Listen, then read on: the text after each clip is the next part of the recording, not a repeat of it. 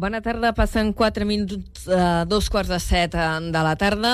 Encetem aquí el tram informatiu de carrer Major i ho fem, com sempre, repassant les notícies del Camp de Tarragona avui, en aquesta jornada eh, que és divendres, dia 17 de març.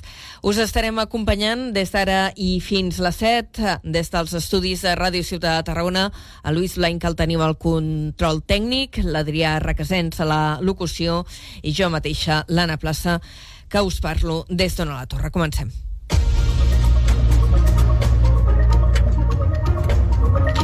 I avui la nostra notícia de portada ens porta a parlar del traspàs de 15 quilòmetres de carreteres de l'Estat a l'Ajuntament de Tarragona. El secretari general d'Infraestructures, eh, Javier Flores, i l'alcalde de la ciutat, eh, Pau Ricomà, han presentat avui els detalls de l'acord que permetrà convertir aquests trams de carretera en vies urbanes. Adrià, bona tarda. Bona tarda. Efectivament, el traspàs anirà acompanyat d'inversions per valor de 12,5 milions d'euros. Destaca l'ampliació, per exemple, del pont del Francolí. Des de Ràdio Ciutat de Tarragona ens ho amplia l'Àlvaro Rodríguez.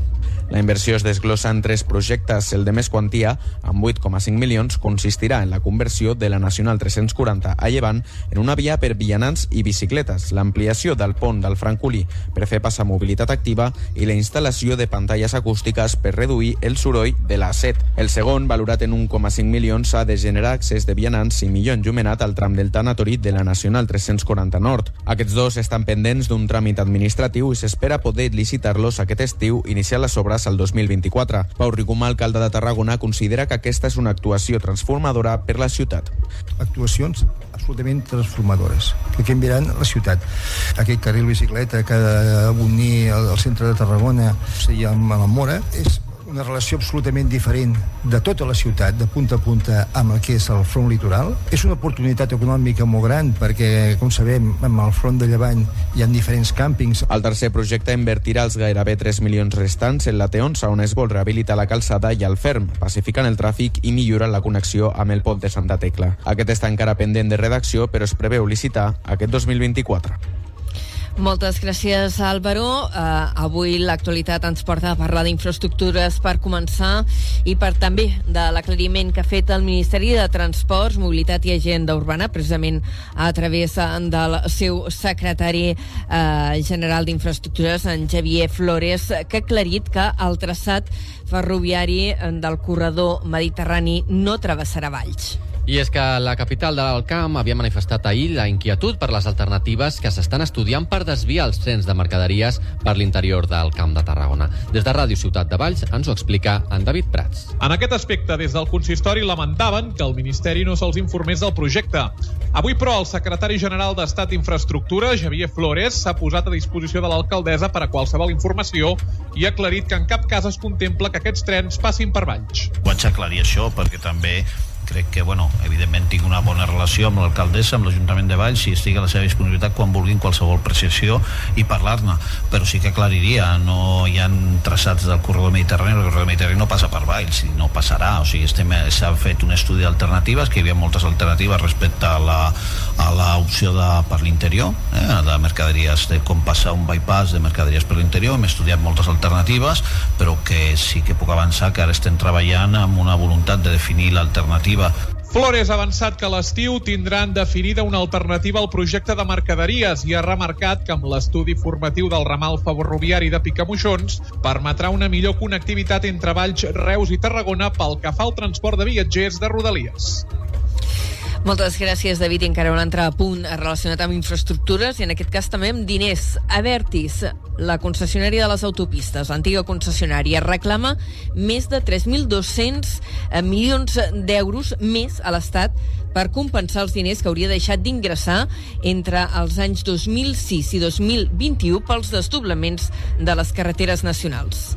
En el tram sud, la concessionària demana que se la compensi pel desdoblament de la Nacional 340, és a dir, l'autovia A7, que va permetre desviar part del trànsit i els va fer perdre diners en peatges. La reclamació econòmica es detalla en l'informe anual de l'empresa. Fa un any, el govern espanyol ja va pagar més de 1.000 milions d'euros a Avertis per compensar actuacions fetes com l'habilitació del tercer carril al tram de Tarragona. Just després, l'empresa va presentar un contenciós administratiu al Tribunal Suprem per demanar que se la, que se la compensi benefici en 4.300 milions, és a dir, 3.200 més del que ja ha cobrat. Aquest està pendent de resolució del recurs. I l'actualitat ens porta una altra notícia ben diferent, ens porta a parlar de, de, de patrimoni i d'una important descoberta que s'ha fet en una cova de la Febró, on es conserva un dels conjunts d'art post-paleolític més importants de l'arc mediterrani. De fet, es tracta d'un mural de 8 metres amb més de 100 figures gravades a l'argila fetes entre el Paleolític i el Neolític. L'Institut Paleoclistià doncs, i la Generalitat han destacat que es tracta d'una troballa excepcional. Laura Navarro, des de BXC Ràdio, ens dona més detalls. La descoberta dels gravats es va produir el 13 de maig del 2021 en el transcurs d'unes exploracions que van donar a trobar una gatera que donava pas a una sala oval de més de 90 metres quadrats. S'han trobat diferents representacions, com figures zigazagues i trossos lineals, entre altres. Els gravats s'han pogut conservar gràcies a tenir una superfície tova i humida, i els canvis de condicions atmosfèriques a la sala podrien alterar la conservació del panell. Juli Serrano, un dels espeleòlegs, explica com es va trobar els gravats. Bueno, el primer que faig és, és començar a donar una volta per la paret, aviam si allò tenia més continuacions, i vaig veure que no, que no en tenia més. I llavors, al fixar-me en una de les parets, és quan em vaig donar compte de que eh, hi havia una sèrie de, de galles i gravats que al principi no els entenia, però llavors sí que vaig veure que a, a la banda de baix, sobretot, hi havia pues, ja un, dibuixos que jo entenia, com una vaca, com un cavall, i llavors quan me'n vaig donar compte que allò eren uns gravats a més, en el marc del Pla de Gestió de l'Art Rupestre de Catalunya, del Departament de Cultura, s'estan duent a terme tasques de protecció del panell, com posant el jaciment com a bé cultural d'interès nacional en la categoria de zona arqueològica. Moltes gràcies, Laura. Anem cap a Tarragona, on avui hi ha hagut ple i un dels temes que s'hi han abordat i s'ha aprovat, de fet, en aquest cas, és la cessió d'espais de la tabacalera al Ministeri de Cultura per rehabilitar la necròpolis. La sessió s'ha acordat, com dèiem, en el ple municipal que s'ha celebrat aquest matí i que, per cert, encara no s'ha pogut fer al Saló de Plens del Palau Municipal, sinó que s'ha tornat a fer al Palau de Congressos. Concretament, s'ha acordat que el consistori cedirà a l'Estat 3.700 metres quadrats que inclouen el taller, el magatzem dels jardiners, els magatzems 1 i 2 de la tabacalera, l'accés a la cripta del Roser, la cripta dels Arcs i les restes de la Basílica de Sant Fructuós. Aquesta sessió era un pas necessari per poder engegar el projecte de rehabilitació del conjunt arqueològic de la necròpolis, eh, que es va redescobrir ara tot just fa 100 anys, i també el seu un projecte que va anunciar ara fa un any ja el ministre de Cultura. De fet, hi ha prevista una inversió de 7 milions d'euros en aquest espai amb el suport dels fons Next Generation. I en el ple de Tarragona avui també s'ha aprovat l'estructura de costos del futur contracte de la brossa. Només s'hi havien presentat dues al·legacions i les dues s'han rebutjat al ple. Aquest punt de l'ordre del dia doncs, ha generat un agre debat entre govern i el PSC i és que els socialistes havien encarregat la redacció d'aquestes dues al·legacions a una empresa de Sabadell. De Sabadell. I d'aquesta manera doncs, Esquerra Republicana ho ha aprofitat per vincular-ho amb el cas Mercuri pel qual es van empresonar l'alcalde Manuel eh, Bustos. Jordi Fortuny és el tinent d'alcalde de Serveis Centrals. Encara espero un recurs a l'estructura de costos, un recurs com Déu mana un recurs ben fet, no una xapussa que t'han fet uns senyors de Sabadell. La portaveu del PSC, Sandra Ramos, els ha acusat d'esgrimir sistemàticament el fantasma de la màfia amb finalitats electoralistes. És la seva estratègia de campanya, ho sabem claríssimament, acusar-nos de que som la màfia i tornem, bueno, no passa res. Vostès estan al seu dret de fer-ho, nosaltres estem en el nostre dret de posar totes aquestes acusacions en mans de la Fiscalia. En el ple també s'ha donat compte del tancament del pressupost de l'any passat. El romanent és de 8 milions d'euros. La setmana vinent es preveu fer un ple extraordinari per donar sortida a aquests diners a través d'una modificació de crèdit. I un altre tema que ha passat per ple, l'estació depuradora de Tarragona funcionarà al 100% amb energies renovables. Avui el ple ha aprovat el projecte per instal·lar plaques fotovoltaiques, també una placa de cogeneració i punts de recàrrega per a vehicles elèctrics. El projecte que ha passat pel Consell Plenari contempla la instal·lació de diverses fonts de producció que generin l'energia suficient per al funcionament de la planta i, a més, que també es compti amb un excedent per a punts de càrrega dels vehicles elèctrics. Actualment, l'EDAR té un consum anual de 2,7 megawatts. Un cop implantada, es comptarà amb una potència total de 1.165 que permetran cobrar completament aquesta cobrir completament aquest consum. El projecte recull l'estudi per a la futura instal·lació d'una planta d'hidrogen verd amb els possibles excedents d'energia i que es destinaria a recàrrega de vehicles. El projecte compta amb un pressupost total de 3,4 milions d'euros que executa l'Ajuntament de Tarragona amb el finançament de l'Agència Catalana de l'Aigua. Per aquest any 2023 s'ha iniciat una primera fase amb la posada en marxa de la cogeneració.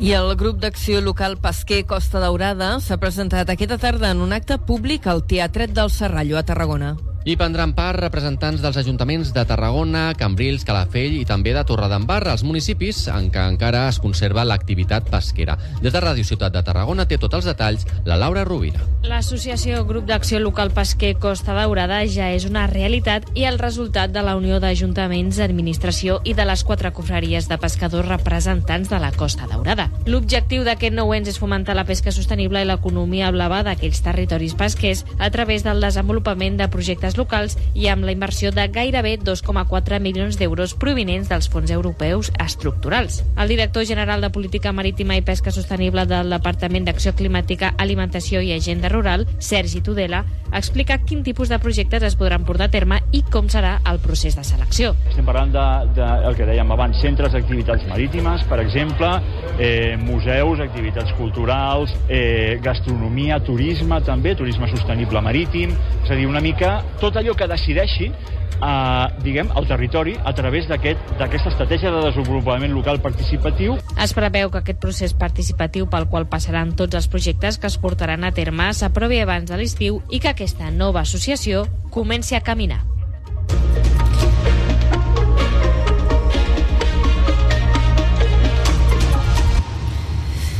En punt tres quarts de set de la tarda, el jutge d'instrucció número 8 del Vendrell ha decretat presó provisional per a tres homes relacionats amb l'assassinat d'un veí de Tarragona que van trobar mort en un pou del Parelló. La víctima havia desaparegut al barri de Torrefort el mes de maig de l'any passat. El cadàver va aparèixer en un pou de 21 metres de profunditat prop d'una caseta de la zona de platges del municipi del Baix Ebre aquest dimarts. La causa està oberta per un delicte d'assassinat o homicidi. El jutge ha decretat presó provisional, comunicada i sense fiança per a un dels detinguts, a banda, presó provisional en fiança per als altres dos. Un d'ells ja l'ha pagat i ha sortit de la presó. Els fets s'haurien produït el mes de maig en una oficina del barri de Torreforta de Tarragona. Per això el jutge del Vendrell s'inhibirà i traslladarà el cas als jutjats de Tarragona.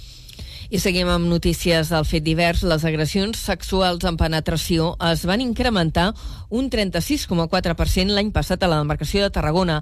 Hi va haver 105 casos denunciats de violació. Aquesta dada es desprèn de l'estadística de criminalitat que el Ministeri de l'Interior ha publicat avui divendres. És que, segons aquest informe, la demarcació va registrar l'any passat més de 37.000 fets penals, els que representa un increment del 16,2%. Els delictes més freqüents, prop de 10.300, van ser furs, que van experimentar un augment del 34%, i també van pujar en un 25% els robatoris amb violència. Pel que fa als delictes contra la llibertat sexual, se'n van registrar 420, un 10% més. D'aquests, més d'un centenar, més d'un centenar van ser violacions. Pel que fa a la cibercriminalitat, al Camp de Tarragona i l'Ebre, es van produir 6.218 casos, per tant, un augment del 27% respecte del 2021 i un 59% si es compara amb 2019. La majoria, a més, van ser estafes informàtiques. Eh, d'altra banda, l'any passat, a Tarragona i l'Ebre, hi va haver 10 homicidis i assassinats consumats i 38 casos més que van quedar en intent. I eh, tancarem aquest eh, bloc de fet divers eh, destacant que la Guàrdia Civil i la policia local de Cunit han desmantellat eh, aquesta matinada una plantació de marihuana amb més de 900 plantes. S'ha localitzat en la mateixa casa on fa una mica més d'un any i es va desmantellar una altra plantació indoor. En l'operació s'han detingut tres eh, persones, dues d'elles, a més, són les mateixes que van ser arrestades al novembre del 2021. En aquella ocasió, a la casa, es van trobar més de 1.500 plantes. Se'ls atribueix un delicte contra la salut pública i de defraudació del fluid elèctric. En l'operatiu també s'ha comissat nombrosos objectes relacionats amb la plantació, així com uns 1.000 euros en metàl·lic. I en àmbit més general, la notícia del dia és que el conseller de Salut, Manel Balcells, ha anunciat avui que la Comissió Tècnica ha decidit desactivar ja la fase de ple alerta del Procicat per la Covid-19, pràcticament tres anys després de l'estat d'alarma. El conseller ha remarcat que la Covid-19 segueix existint, que és una malaltia més i que cal vacunar-se, sobretot professionals i gent fràgil. Admet, però, que la situació més crítica es pot donar per acabada. Han estat tres anys de pandèmia amb diverses onades que avui podríem donar per acabada eh, i que entrem en una fase de normalitat. Um, és, un, és, és, en fi, és un dia uh, realment d'un abans i un després amb una etapa que ha estat molt dura D'altra banda, el conseller de Salut ha anunciat que Catalunya eh, vacunarà els més petits contra el virus respiratori, sin, sincitial, el causant de la bronquiolitis i especialment punyent en els menors de dos anys. Catalunya també incorporarà la vacuna de la grip al proper curs al calendari vacunal per als nens de 6 mesos a 5 anys. Anem ara cap a la Conca de Barberà el Memorial Democràtic i l'Arxiu Montserrat Tarradellas i Macià, que es conserva a Poblet, difondran la memòria republicana i l'antifranquisme. La consellera de Justícia, Gemma Ubassart, eh, s'ha desplaçat avui fins al monestir per formalitzar aquest acord. Des de l'Espluga FM Ràdio ens ho explica en Pep Morató. El Memorial Democràtic i l'Arxiu Montserrat Tarradellas i Macià, situat al monestir de Poblet, han fet palès aquesta tarda la intenció conjunta de recuperar la memòria democràtica del país amb la signatura d'un conveni de col·laboració entre amb dues parts.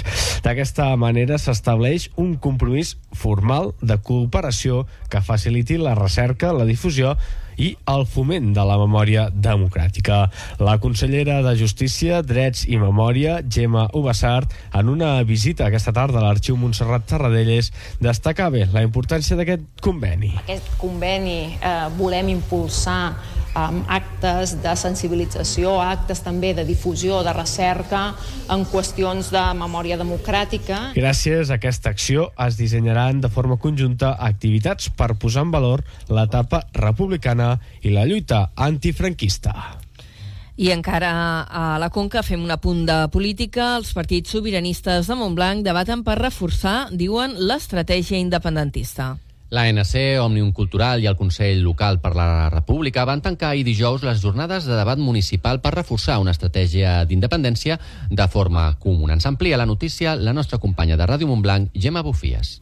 Les jornades van tenir una primera part dijous passat i ahir es van posar sobre la taula diferents accions que es poden fer des dels ajuntaments per tal d'assolir la independència en matèria de llengua, sobirania fiscal i sobirania energètica.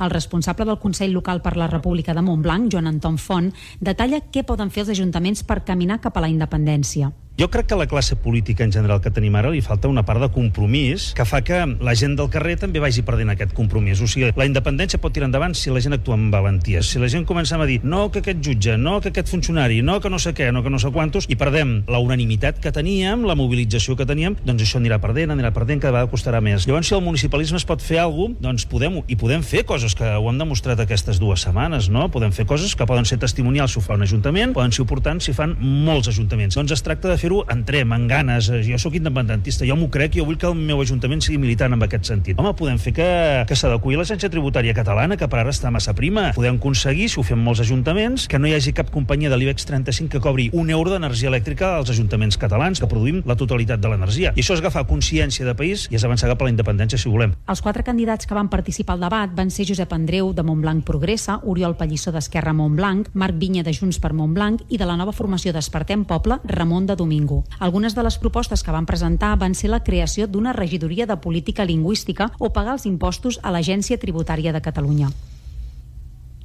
Moltes gràcies, Gemma. I tancarem aquest bloc d'informació local situats a Reus, on l'Ajuntament ha anunciat que posarà en marxa aquest mes de març, és a dir, en pocs dies, una prova pilot amb dos models de vehicle de recollida de la brossa 100% elèctrics. La prova es farà amb una unitat de cada tipus de vehicle i en funció del rendiment es valorarà la incorporació progressiva d'aquests models elèctrics al servei de recollida, especialment al centre de la ciutat i a les zones comercials. Tot i així, aquests vehicles estarà, entraran a reforçar el servei, però no substituiran els convencionals, els de combustible fòssil o de gas, almenys en els propers anys. Els dos models que es provaran són un camió elèctric de recollida sostenible, amb càrrega lateral, i un vehicle auxiliar per a la recollida comercial.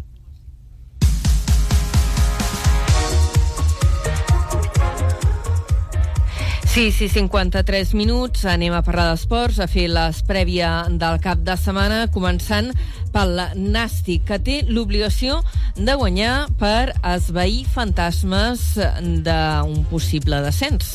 Només 4 punts separen els tarragonins dels llocs de descens que marca la Real Unión de Irún i davant tindran un Calahorra que ha abandonat l'última plaça després de superar el Bilbao Atlètic en el darrer desplaçament per 2 a 3. Des de Ràdio Ciutat de Tarragona ens ho explica l'Eric Rosique.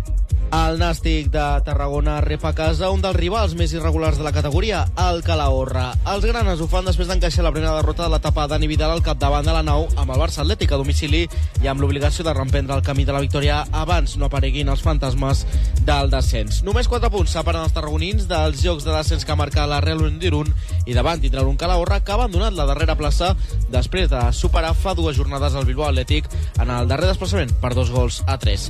Així valorava el rival al técnico del Nastic, Dani Vidal. El otro día un, un error que tuvimos en defensa pues nos castigó bastante. Vamos a intentar que en el siguiente partido no tengamos ninguno y afrontar el partido de la manera que hemos trabajado durante la semana, sabiendo que, el rival tiene unas características diferentes, que es muy reconocible, que seguramente nos tocará eh, tener eh, momentos más largos de balón, lo hemos trabajado, los chicos lo tienen claro y estoy seguro de que lo harán de manera excelente.